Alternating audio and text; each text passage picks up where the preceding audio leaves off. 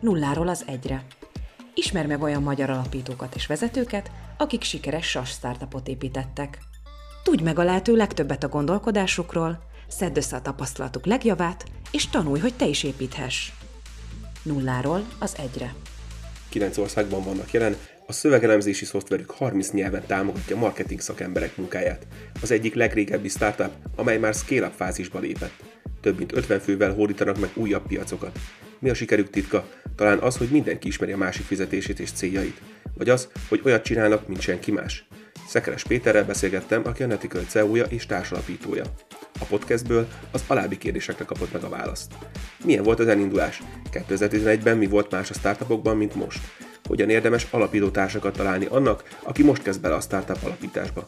Hogyan hat a cégkultúrára az alapítók nyitottsága? Hogyan határozzák meg az egyéni, csapat és vállalati célokat? Mit kell tenni a scale fázisban és a nemzetközi terjeszkedés esetén? Hogyan lehet automatizálni az értékesítést, és érdemes-e? Mennyire kell más értékesítési stratégiákat alkalmazni a különböző piacokon? Szekeres Péterrel, a Netical CEO-jával és társalapítójával beszélgettem. Ülj be közénk!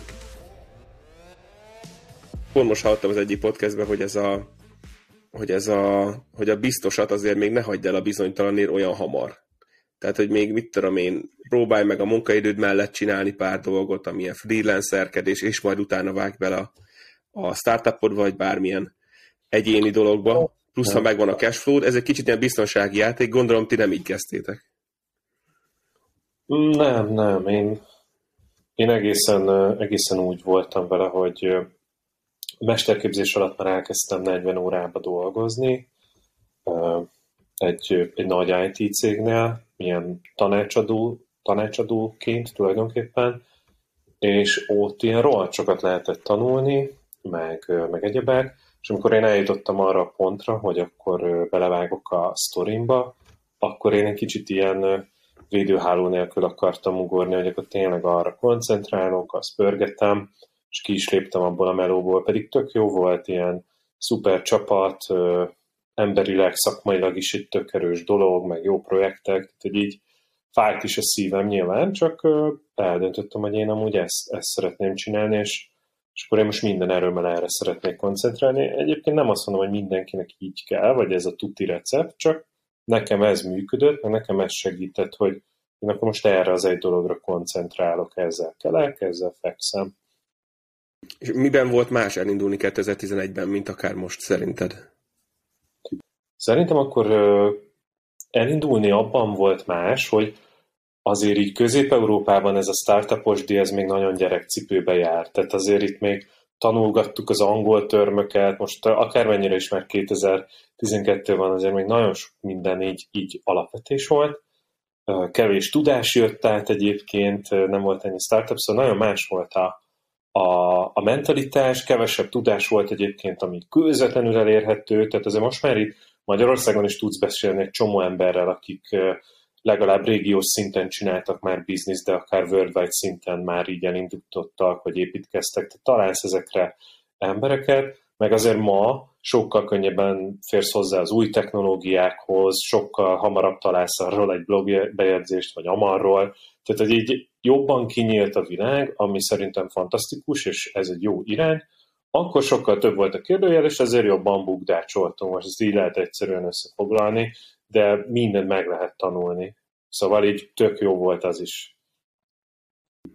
Kikkel kezdtél bele? Vagy kik voltak az alapító társaid? Őket hogyan találtad meg? Igen, én, én szuper büszke vagyok a, az alapító társaimra, mert hát ugye most már lassan tíz éve dolgozunk együtt, és így így azt kell mondjam, hogy persze vannak szakmai viták, amiknek kell, de hogy ez egy olyan stabil kapcsolat így egymás életében, ami, amire nagyon tudunk építkezni, meg számítani, és ez magába foglalja a megbízhatóságot, a, az egyenességet egymással, és ez, ez egy nagyon király dolog. Egyébként szerencsésen alakult így, mert a, mi az egyetemen a közgázra jártunk, a Corvinus Egyetemre, és ott egy diák szervezetben ismerkedtünk meg. Tehát nem is így egy évfolyam, nem egy csoportársak, hanem egy diák szervezet, ami, ami közel hozott minket, és, és akkor én gyakorlatilag így nekik meséltem az ötletemről, hogy ebbe bele kéne szerintem vágni, azt tudtam, hogy kb. ki mihez ért, és hogy, hogy miért őt gondolom annak, hogy, hogy ez jó buli lenne, És hát tök nyitott személyiségek, akik egyébként ilyen becsületes emberek, folyamatos tanulásban vannak, azért a stresszt is jól bírják, mert, mert kell, és ebből így, így nagyon jól összecsiszolódtunk, és a, a mai napig ilyen, ilyen nagyszerű a kapcsolat. Biztos, hogy ilyen szuper alapítótársak nélkül azért így a Ethical Story az korán semmit tartana. Tehát, hogy így tök nagy, tök jó egyetértés van, de így merünk vitatkozni is, tehát azért vannak ütköztetések, és szerintem ez a jó, hogy vannak, csak így nem, nem személyeskedünk, meg, meg értjük egymás preferenciáit, meg tök nyíltan kimondjuk, hogy ki hogy képzeli el az életét mondjuk öt év múlva, ami most ilyen lelkitáborosnak tűnik, de ez fontos, mert, mert úgy tudsz együtt dolgozni, hogy tudod, hogy a másik nem tudom, családot tervez, vagy ekkor tervez esetleg külföldön élni, vagy költözni, vagy bármi, mert akkor úgy tudod a, a stratégiát is alakítani, megépítkezni, meg határidőket felvinni, meg stb. Szóval ezek, ezek klassz dolgok, szerintem a, a jó alapítókkal nagyon, nagyon sok mindenen át lehet lendülni, és általában azért vagy nagyon a sikeresség, ez mindig csak a legvége, ugye a hokisztik az a legvégén jön, addig, addig van egy ilyen lájtosabb emelkedés, meg gödrök hullámok, és akkor az ahhoz nagyon kell, hogy így egybe legyetek, meg, meg főleg, hogy mondjuk amikor rosszabbul megy esetleg a szekér, vagy valami olyan trendváltozás, akkor ne egymásnak essetek, hanem akkor mindenki egy olyan mentalitással elünk, hogy na, gondoljuk át az alapoktól, hogy mi most mit csinálunk, hol rontottuk el, vagy egyszerűen a piac megmozdult, és, és hogy követjük le, hogy ne legyen abból gond tíz év után se, hogyha most hajnali kettőkor fel kell hívni egymást, mert valami probléma van, amit meg kell oldani, akkor meg kell oldani, és ezek, ezek ilyen alapdolgoknak tűnnek, de szerintem nem azok egyébként. És mivel ilyen szintnécsbe vagyunk, ezért nagyon organikusan tudjuk ezt a kultúrát képviselni a netikölben. Tehát a kultúra az nem, nem izé, falra írt szavak, meg mottók, hanem persze el kell mondani, hogy transzparencia, meg, meg amikor itt vagy legyél itt, meg rugalmasság, de akkor működik, hogyha az első emberek, és alapítóként még ott vagyunk, hogy az első emberek vagyunk, hogy az első emberek ezt hitelesen képviselik a maradéktalanul. És akkor pont, pont ezt akartam kérdezni, igen, hogy, hogy ez a nyitottság, ez hogyan hat a cégkultúrára nálatok? Mennyire, mennyire nyitottak vagytok így a munkavállalók felé is akár? Igen, nekünk ez, ez nagyon fontos alaptételünk volt. Tehát ez szerintem, mondhatjuk így, ez egy ilyen nyugatias trend, de még ott sem mindenhol, hogy ugye minél több mindent kinyitni. És egyébként nem titok, hogy a Buffer nevű amerikai cég volt az inspiráció, akik konkrétan képletezve adták meg a fizetéseket a kollégáknak. Tehát nyilván van benne roll paraméter, meg hol élsz, meg hasonló, de egy nagyon objektív módszerrel. És mi azokat a problémákat akartuk már így gyökeréstől a legelején kezelni, hogy itt ne legyen gender gap a fizetésekben, hogy ne legyen abból probléma, hogy jön egy ember, kb. ugyanarra a pozícióra, és csak azért, mert ő nagyobb szájú volt az interjún, most ő több pénzt fog kapni, mert úgy is kiderül, és akkor probléma lesz, valaki nem lesz boldog. Vagy azért az interjúztató, mert kevesebbet kapott, mint kérhetett volna, vagy fordítva. Nem jó, nem, nem fenntartható. És azt is mutatni akartuk, hogy, hogy a Netikül egy olyan cég, ahol egyébként meg szeretnénk, hogy mindenki jól keressen, meg minél jobban keressen, meg felül, és mi be is vezettük azt, hogy így minden hónapban a menedzsmenttől, a ö, specialistákon át a gyakornokokig mindenki forintra pontosan tudja, hogy ki mennyit keresett, és miért, milyen kpi vannak mögötte. És ha van vele probléma, lehet jelezni, és akkor nem a fizetést fogjuk módosítani magától, hanem a, a kpi a struktúrát, tehát azon, azon fogunk csiszolni esetleg, vagy, vagy gondoljuk át, mert valami nem volt oké. Okay. És ez, egy, ez egyébként ugyanúgy igényel munkát, mert fenn kell tartani, sokat kell kommunikálni, de cserébe ez egy sokkal tisztább együttműködés. Én kérem tőled a kb. 40 órádat egy héten, egyébként nem azért vagyunk scale-up, mert inkább scale-up-ba sorolom a Netikölt, tehát egy olyan cég, aki gyorsan nemzetközi szinten akar növekedni, de már van product market fitje. Nem azért vagyunk scale-up, hogy itt most mindenki mindig 60 órát dolgozzon, hanem legyen meg az a 40 hetente, te koncentrálj ide, és azért kap meg azt a, azt a pénzt, amit te jól vagy, és jól tudsz élni. És ezt, ezt is segíti, meg tényleg nem merülnek fel ezek a, azért ezek a gender gap-es kamuriportok, tudod, hogy már csak ennyi a különbség, már csak amennyi a különbség, ezek szerintem ez tök gáz, tehát ezt, ezt így egy csapással fel kéne oldani a, a csudába, és kiegyenlíteni a, a különbségeket. És nálunk meg szerencsére fel sem merülhet ilyen, meg, meg egyszerűen tisztább az, hogy mit keressünk meg bevételt, és mire költjük. Tök fair dolog. Említette a KPI-okat. Ez a transzparens cégkultúra abban is segített nektek, hogy a célokat, az ilyen stratégiai célokat, vagy az egyéni célokat jobban meghatározzátok? Hát ugye ez nem is tud másnak, máshogy menni, tehát ez nekünk nagyon fontos volt, hogy nem csak a transzparencia miatt kell ez, hanem a remote munka, munkakultúra miatt. Tehát az, hogy mi már a Covid előtt is ilyen teljesen rugalmas munka időben és helyben is dolgoztunk és dolgozunk. Tehát ez nekünk így eddig is benne volt. És ahhoz, hogy én engem ne érdekeljem, hogy te most a szomszéd szobába dolgozol, vagy 200 kilométerrel odébb, meg hogy reggel 8-kor kezdesz, vagy te 10, délután 11-kor, vagy mi ez délelőtt 11-kor szeretsz kezdeni, az én azt várom, hogy úgy heti szinten látszódjon, hogy te mit csináltál, és milyen eredményességgel. Most így általánosítok, de kb. ez. És akkor erre felépítettünk eredményességi kipjájukat, ugye nagyon fontos, hogy jól is csináld, meg úgy nagyjából látszódjon, hogy mennyi időt tettél, tettél bele, körülbelül meglegyen. És, és akkor ezek vannak hozzáigazítva a stratégiai célokhoz. De azért nem kell olyan nagyon nagy dolgokra gondolni még, mert most a Netikül 50 fő, részmunkaidősökkel, távmunkásokkal, és ez az 50 főbe azért vannak ugye értékesítéssel foglalkozó kollégák, akiknek nyilván a revenue, meg a churn a kiemelt dolog, vannak fejlesztő kollégák, ahol uh, story pontok vannak az agilis rendszerben, meg, uh, meg élesítések, meg bugszámoknak ugye a minimalizálása, és akkor így nagyjából mindenkinek megvan az a két-három KPI, ami a legfontosabb, és ez a mérés, ez az egész kultúránkba így nagyon beivódott, mert ugyanakkor meg az objektív beszélgetéseket is segíti, tehát hogyha valaki azért hónapok óta átlag alatt teljesít, akkor nagyon egyszerűen lehet vele beszélni az okokról és a mértekről.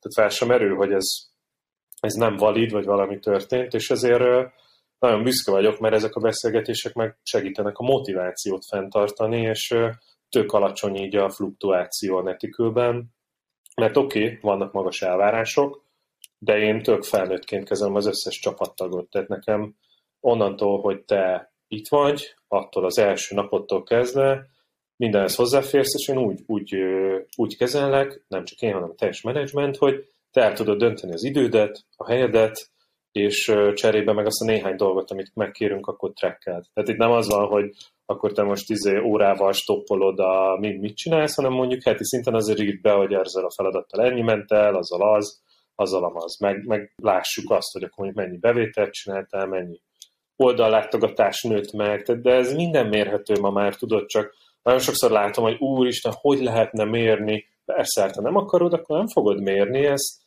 néha kicsit meg kell, meg kell gondolni, hogy most ez hogyan lehet, de mindent lehet eredményesség és hatékonysági szempontból is mérni. Csak gondolkodni kell rajta. De minden részét egyébként egy cégnek. Mit tudtok azoknak a vállalatoknak ajánlani, vagy tanácsolni, akik már majdnem ebben a scale-up fázisban vannak, és nemzetközileg szeretnének terjeszkedni? Uh-huh, értelek.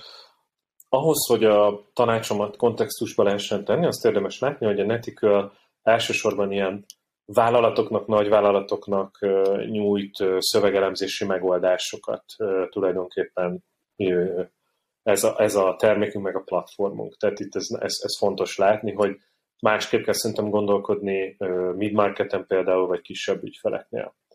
És amit, amit mi megtanultunk, hogy terjeszkedésben is a jó dolog a diversifikáció. Tehát nekünk az működik, hogy van egy nagyon erős ilyen outbound business development lábunk, az, az, az, az nagyon stabil, nagyon kiszámítható, nagyon sokat kísérletezünk az inbound-dal, tehát SEO-val, hirdetésekkel, tudod, hogy most éppen a Google konvertál jobban, a LinkedIn konvertál jobban, erre nekem nincsen secret sauce én azt tudom mondani, hogy azért a jó content az konvertál a legjobban, tehát mi próbálunk ügyfélsztorikat, case study tolni nemzetközi szinten, és akkor ezzel megcsinálni mondjuk az első kapcsolatot a, a, a leendő ügyfelekkel.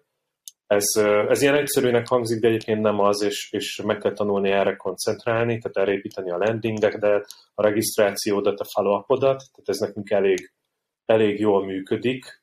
Ebbe is meg a formátumokba vizsgáljuk, hogy mi a hosszabb, tudod, ilyen egész rövid, melyik működik a legjobban, de az, az, az egész jól működik, és minden, szerintem egy csomó cég nem figyel eléggé a partnerhálózatra, ami, hogyha jól csinálod, meg egy kicsit szerencsés vagy ilyen, gyakorlatilag duplázni is tudja a bevételeidet, mert, mert onnantól, hogy van egy motivált partnered vagy partnerstruktúrád. És most a partner alatt értek közvetlen distribútort, white label resellert, vagy éppen affiliate-et, erre mind nyitottnak kell lenned, főleg a kezdeti időkben, mert nagyon nehéz azt mondani, hogy én csak, nem tudom, mekkora marginal, ilyen struktúrával fogom továbbadni a szervicemet.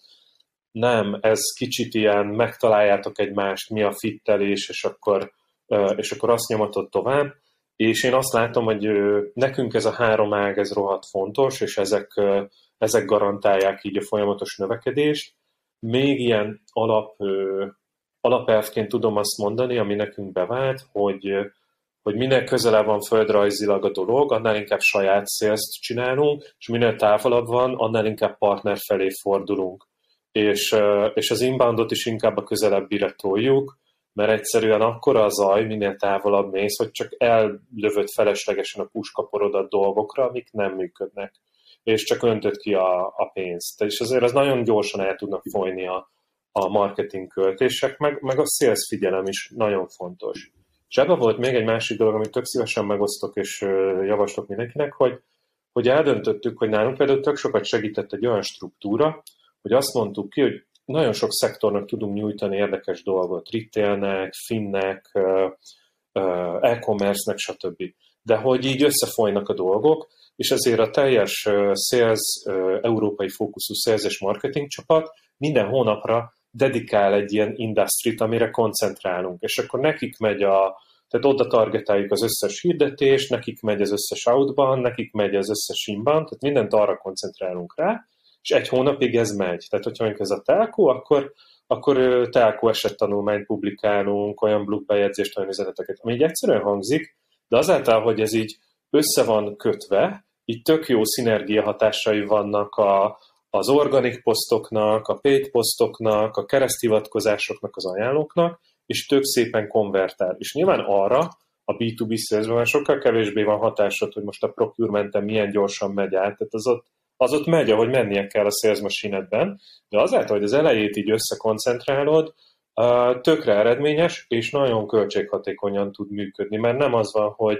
tolod mindenhova a, a hirdetéseidet mindenfelé, hanem kicsit tudod, pont ez a két-három kulcs szó, ami, ami megfogja annak a szektornak a döntéshozójának a figyelmét, és nyilván ez, ne, ez, ez változó szektortól függően, de ezt például nagyon tudom tanácsolni, hogy ilyen egyszerű technikának tűnik, és nekünk iszonyatosan bevált, mi már most már szerintem 7 hónapja csináljuk most így frissében, így nagyon tudatosan, és eleinte szkeptikus volt a csapatom is, de mondtam, hogy, hogy szerintem ez menni fog, és próbáljunk ki két hónapot, és az eredmények azok így nagyon gördülékeny, nagyon, nyilván nagyon szuperül is csinálják, tehát hogy rajtuk múlik, csak hogy érdemes ilyen okosan gondolkodni erről, mert százban azért nem hatalmas a piac, de hát óriási a zaj. Tehát azért nehéz eladni, ez egy óriási kihívás a, a területen, és így mindig ilyen keresni kell az új megoldást. Igen, ez a tipikus dárdahegye stratégia, hogy egy, egy fókusz egy fókuszpontra összpontosítjuk az energiánkat, még ha akár egy hónapig is, ahogy ti is csináljátok, és amikor elkezdtétek a külföldi terjeszkedést, akkor, vagyis hát alapból ez volt a víziótok, hogy mindig is a külföldi piacra akartok terjeszkedni, vagy ez változott az idők során, és ha változott is, akkor hogy kezdtétek el? Mi az, amit, amiben, ha már beszéltünk az elején arról, hogy bukásokat is mondunk, hogy mi az, amin változtatnátok, vagy változtattatok idők során? Mi legelőször abba gondolkodtunk, tehát, hogy mindig is nemzetközi céget akartunk építeni, ez a startup definíciója, tehát aki nem ebben gondolkodik, az nem startup, és, de azért tudtuk azt is, hogy muszáj tanulnunk, mert nagyon tapasztalatlanok voltunk, és ezért elkezdtük a magyar piacon felépíteni a technológiát, tapasztalatot szerezni salesben, meg dolgokban, és utána mi először Bulgáriát nyitottuk ki, ez nekünk azért volt logikus, mert mi nyelvészeti technológia vagyunk, és ez egy szuper más nyelv, ugye cirill, latin betű, szláv nyelv, tök érdekes dolog. Ráadásul egy valamivel kisebb piac, mint a magyar, tehát azt próbáljuk meg. És tanulási szempontból jó volt, pénzügyileg tök sikertelen. Tehát, hogy, hogy nehezen, nehezen tudtuk igazán eladni, voltak azért olcsó alternatívák, és hiába ment, közelítettük meg azt a szintet, akkor meg már a váltás költsége egyszerűen nem volt jól fedezve. Tehát annyira nekünk így üzletileg nem jött be, viszont nagyon sokat tanultunk. És, és akkor utána próbálkoztunk így közép-európai kitekintéssel, ahol már lett némi sikerünk Lengyelországban és Romániában. Lengyelországban végül szintén kevésbé, de ott, ott, ott több erős versenytársunk is volt lokálisan. Tehát például én a, a lengyel piactól így tök óvaintem a, azokat, akik oda próbálkoznak, mert papíron ez egy, nem is tudom, 40 milliós ország, tök sok, tök sok GDP-vel, meg erős növekedéssel, de nagyon zártak, és nagyon sok mindenre van saját egyébként okos megoldásuk. És, és hát mindenkiben van egy ilyen patriotizmus, vagy hát azért a legtöbb cégben, és ezért, ezért nehéz volt. És ezt nem csak nekünk mondom, hanem én nagyon sokat beszélgettem más hasonló cipőbe járó cégekkel, és nem találtunk secret sauce, tehát hogy ha, vagy ha lehet kérnem, és valaki tud ilyet, akkor, akkor írjon rám létszi. Tehát az például nekünk mondhatom, hogy egy kudarc volt, de például a, a csepiac egy nagyon nyitott, erős gazdaság, a magyarénál erősebb árszinttel, vagy például Ausztria nekünk a kedvenc piacunk volt, mert ott, ott már szinte dupla vagy tripla árat is lehet, lehetett kérni szolgáltatásokért, mert egyszerűen a szolgáltatás árszínvonala az olyan. És, és emellett pedig nagyon nyitottak, keresik a technológiát, tényleg ugye EU-n belül azért most már ezek a GDPR, meg mindenféle cloud dolgok is tök kényelmesen működnek, úgyhogy ez most ilyen szempontból a, a kicsit azért a South Mennyország szerintem, hogy így nem kell túl sokat ezen rugózni, és akkor Ausztriával meg már úgy lehet tovább nyitogatni Svájc fele, meg Németország fele. De azért, ne, tehát azért Németország is nagyon nagy, és hogy mondjam, azért ott is nehéz észrevetetni magunkat, de mi is egyre, egyre, egyre ügyesebbek vagyunk, és azt látjuk, hogy amikor belépünk egy új piacra, akkor sokat jelent, hogyha tudunk stage time-ot szerezni egy-egy releváns konferencián, nem befektetői, meg startup konferencián, ügyfél szegmens, vagy ügyfél konferencián, ez nagyon fontos, hogy ügyfelet szerezni megyünk, és, és akkor ott, ott, hogyha egy-kettő nagyobb halat sikerül így bevonzani, ugye akkor azok nagyon jó zászlós hajók, és akkor azzal lehet menni, hogy hát ő is velünk dolgozik, meg ő is velünk dolgozik, te miért nem dolgozol velünk, és ezt így már ezeket a referálokat, testimoniálokat, késztadikat már lehet ugye pörgetni, és a, tulajdonképpen a FOMO-val bevonzani a, a többi szereplőt. Úgyhogy nagyjából így, így ez talán a, a fontosabb. Én, ha ma, tehát hogyha ma kéne mondjuk piacnyitási stratégiát csinálnom nulláról, akkor én a cseh piacnak és az osztrák piacnak mennék neki először, mert jó árszínvonal és nyitottak, és tök könnyű kimenni Prágába, meg Bécsbe is konferenciákra. Tehát ez ilyen szuper költséghatékony, meg időhatékony dolog. És ezért szerint én ezt, ezt látom most, hogy ott, ott tök, nagy a, tök nagy a nyitottság, és utána mennek más országokba.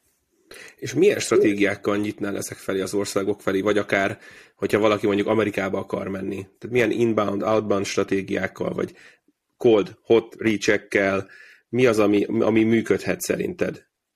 Mennyire lehet ezeket mondjuk automatizálni? Mert gondolom az is egy kérdés, hogy van mondjuk, mit tudom én, 200 előadó egy konferencián, azokat végigpörgetem, vagy mondjuk az ügyfeleket, akik előadnak, és akkor azoknak küldözgetek dolgokat, de hogy mennyire érdemes ezt automatizálni, mondjuk a legelején, vagy a közepén, vége felé az érettségnek?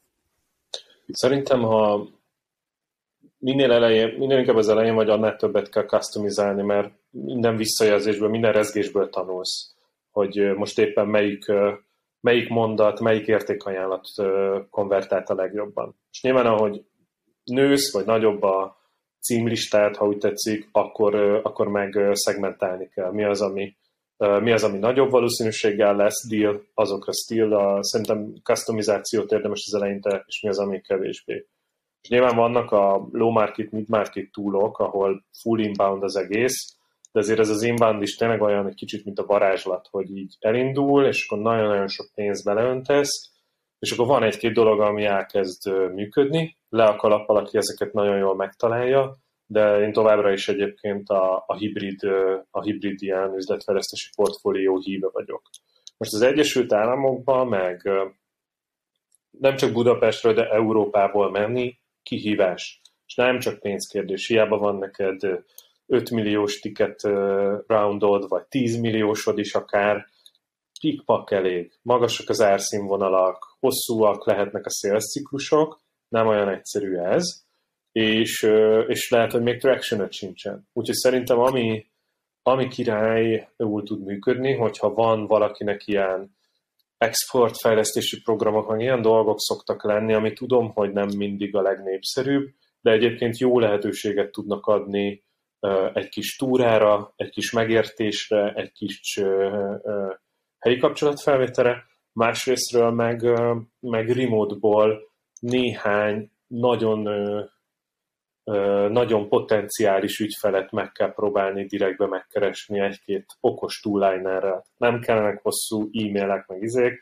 de ha írsz egy, egy super subjectet, és értelmes három mondatot, hogy ezek vagyunk, te ebből így fogsz több pénzt csinálni, te ezzel így fogsz költséget spórolni, és ezért mi jó partnerek vagyunk, érdekel-e, és akkor kész utána egy 15 perces vagy egy 20 perces kólt, mert azt, azt gyűlölöm, amikor ilyen egy órás kólok vannak, meg ilyen izék, és se eleje, se vége. Nem, hogyha van konkrét elképzelésed, akkor 15 percben egyébként rengeteg mindent meg lehet beszélni, és senki, az, az sokkal nagyobb eséllyel megkapod.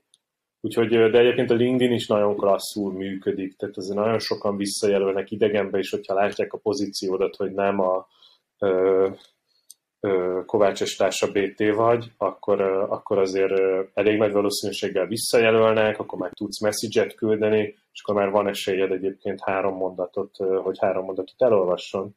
És akkor e, e, ez az esélyed egyébként, és akkor azt kell ügyesen megfogalmazni, de amelyik startup nem tudja három mondatba összefoglalni, hogy miért ő, az nem biztos, hogy jó startup. Igen. Um, olvastam valahol, hogy van egy-két nagyobb amerikai ügyfeletek is, akiket nasdaq is jegyeznek. Hogyan jött ez össze, és hogyan lehet ezt szerinted megismételni, akár nektek, akár másoknak? Nekünk azért ez elég opportunista módon jött eddig össze, mert mi nem koncentráltunk az amerikai piacra, de két tök jó sztori szerintem.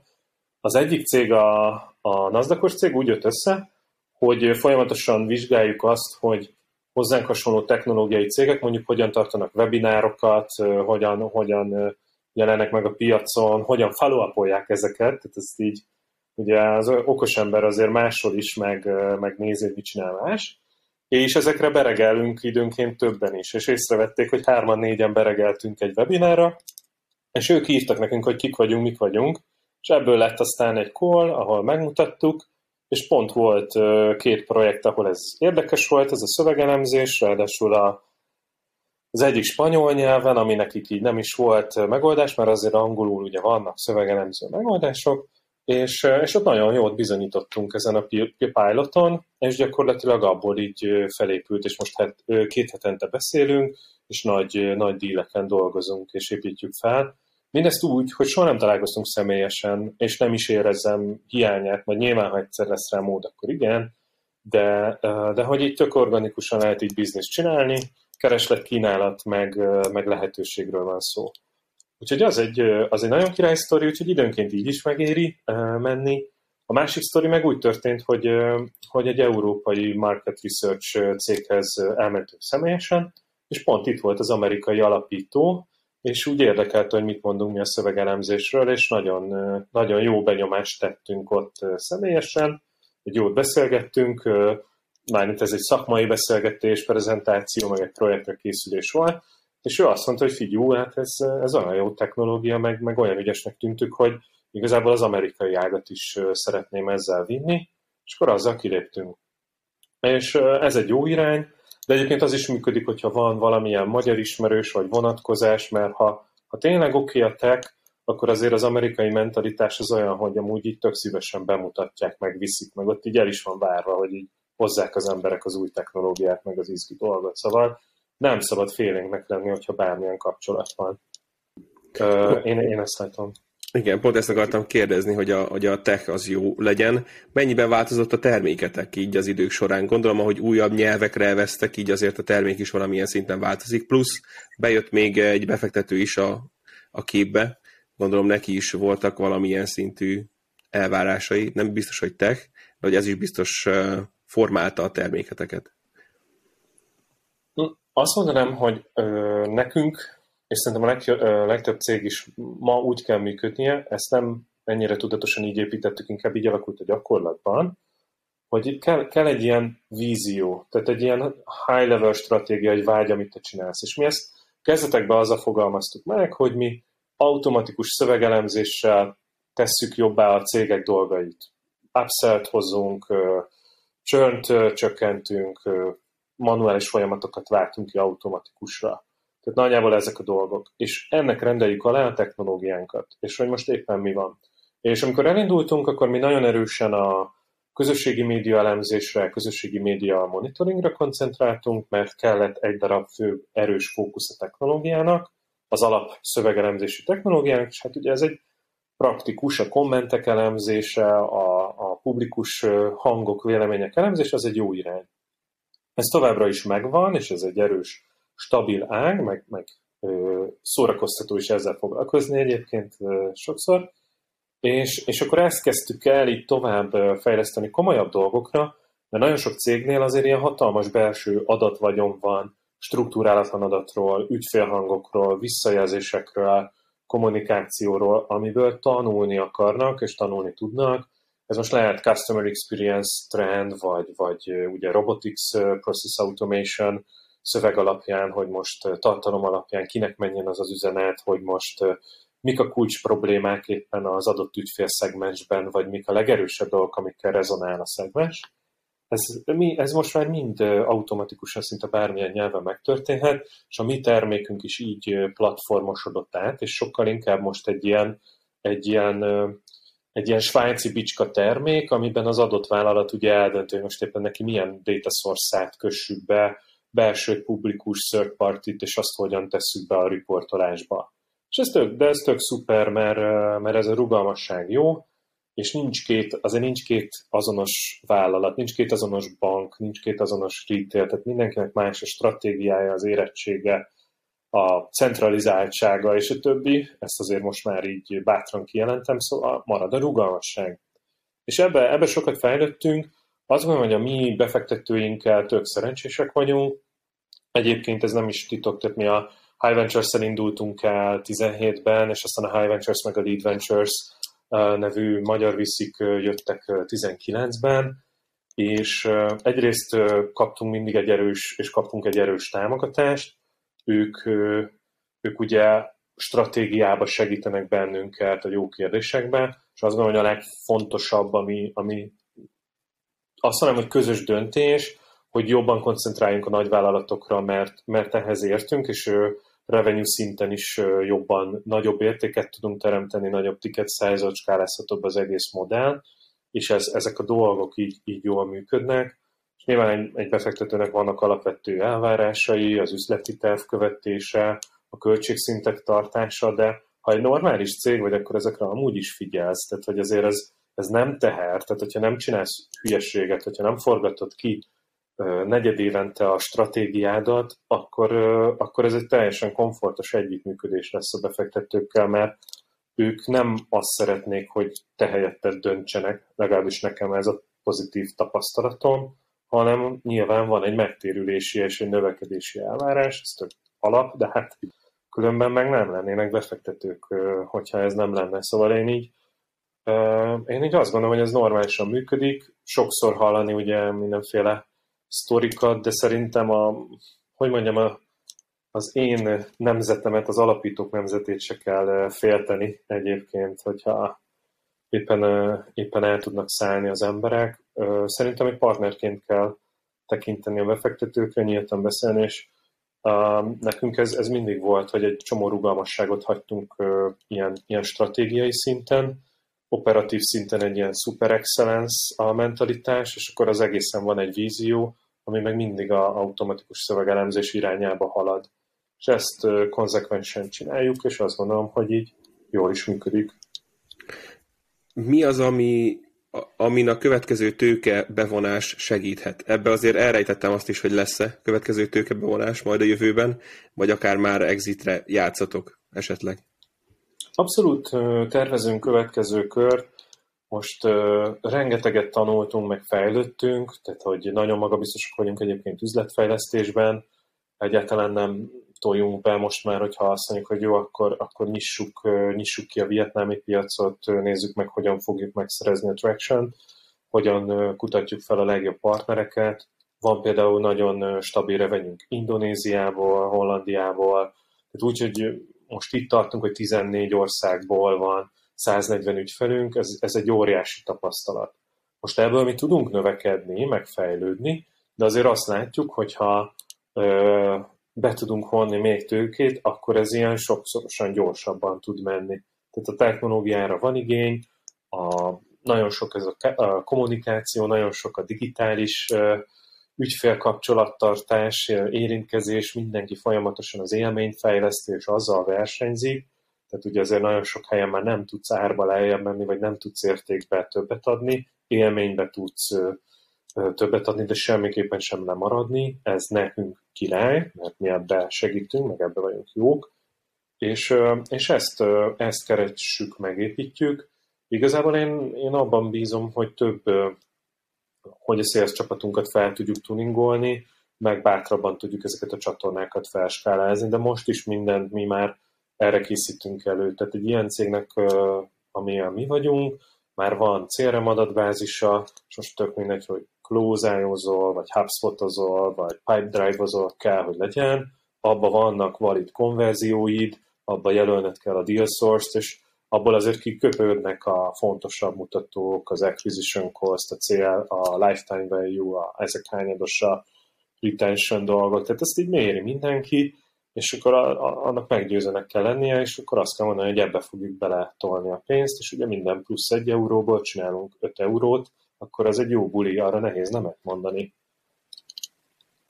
Igen, meg ahogy említetted is, hogy, hogy gondolom én a tőkebevonás abban is segített, hogy, hogy stabilabb legyen ez a, a, az üzletfejlesztés, valamint az, hogy megkeresni ilyen nagy enterprise ügyfeleket. Hogyan tudtok versenyezni a nagyon nagy vállalatokkal, akik ugyanúgy mellé teszik az ajánlatot a tiétek mellé ilyen nagy enterprise ügyfeleknél? Gondolom ott azért ez az ajánlatbekérés, döntési mechanizmus azért eltér attól, hogy, hogy csak ilyen midmarket vagy, vagy még annál lejjebb lévő ügyfelek legyenek. Igen, azért azt látni kell, hogy a nagy márkák előnye, hogy nagy márkák ismerik őket, és akkor ugye ez egy biztonságot ad a beszerzésnek, vagy a döntéshozónak. Úgyhogy azt kell csinálni, hogy kell egy nagyon erős USP, tehát egy olyan unique selling proposal, vagy proposition, amivel tényleg a másik nem tudja azt csinálni. Esetünkben lehet ilyen például a tipikusan szokott lenni, hogy mi nagyon jól megértjük azt a nyelvet, tehát hogy a technológiánk nyelvészetileg érti, nem csak az angolt, hanem, hanem tényleg a franciát, a, a románt, a csehet, tudja mi a különbség a cseh, a szlovák, a szlovén között, és a többi. Tehát olyanok, amiket a nagy gyártók így nem feltétlenül látnak. És másik pont meg az ár. Tehát, hogy, hogy, hogy valamennyi lejjebb kell menned. De ez nem akkora gond, mert pont ez a lényege a nagynak, hogy ő drága, és hogyha te már lejjebb mész egy 25%-kal, akkor egyébként jó vagy, és a te marginod még mindig valószínűleg tök oké okay lesz, tehát még mindig win-win, de hogy le kell egyszerűsíteni erre. Kell egy USP, hogy mérte, és kell egy, egy ár, hogy mérte. És ez a kettő úgy általában elég, elég szokott lenni.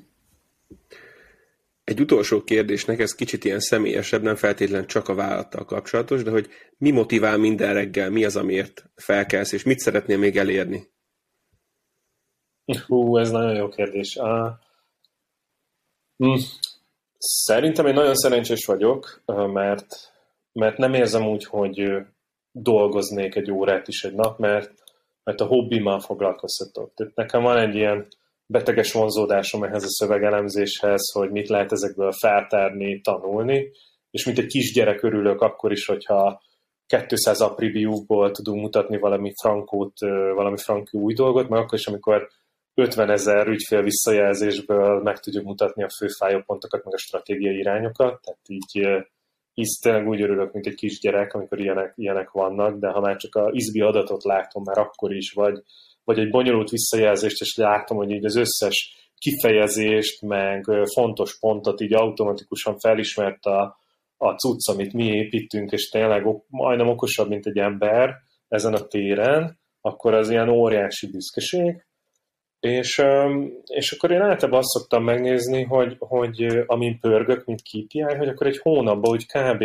hány szöveget elemeztünk le, mert akkor azt így belegondolsz, hogy na, ha ezt esetleg manuálisan valaki megcsinálta volna, az mennyi idő lehet, és akkor így mentettünk időt a világnak, ami nyilván egy nagyon elbagatelizált dolog, de egyrészt nekem ez ilyen csinálja a gép, amit a gép jól tud, tehát hogy én ebbe tök hiszek, hogy nyilván a komplexebb megoldásokat, döntéseket hozza meg az ember, de mondjuk készítse elő az insightokat, a kimutatásokat a gép, ez egy hitvallás, másrészt meg minden egyes riportunkkal, vagy minden egyes rendszerbe logolással ahhoz járulunk hozzá, hogy az emberek data-driven döntéseket hozzanak.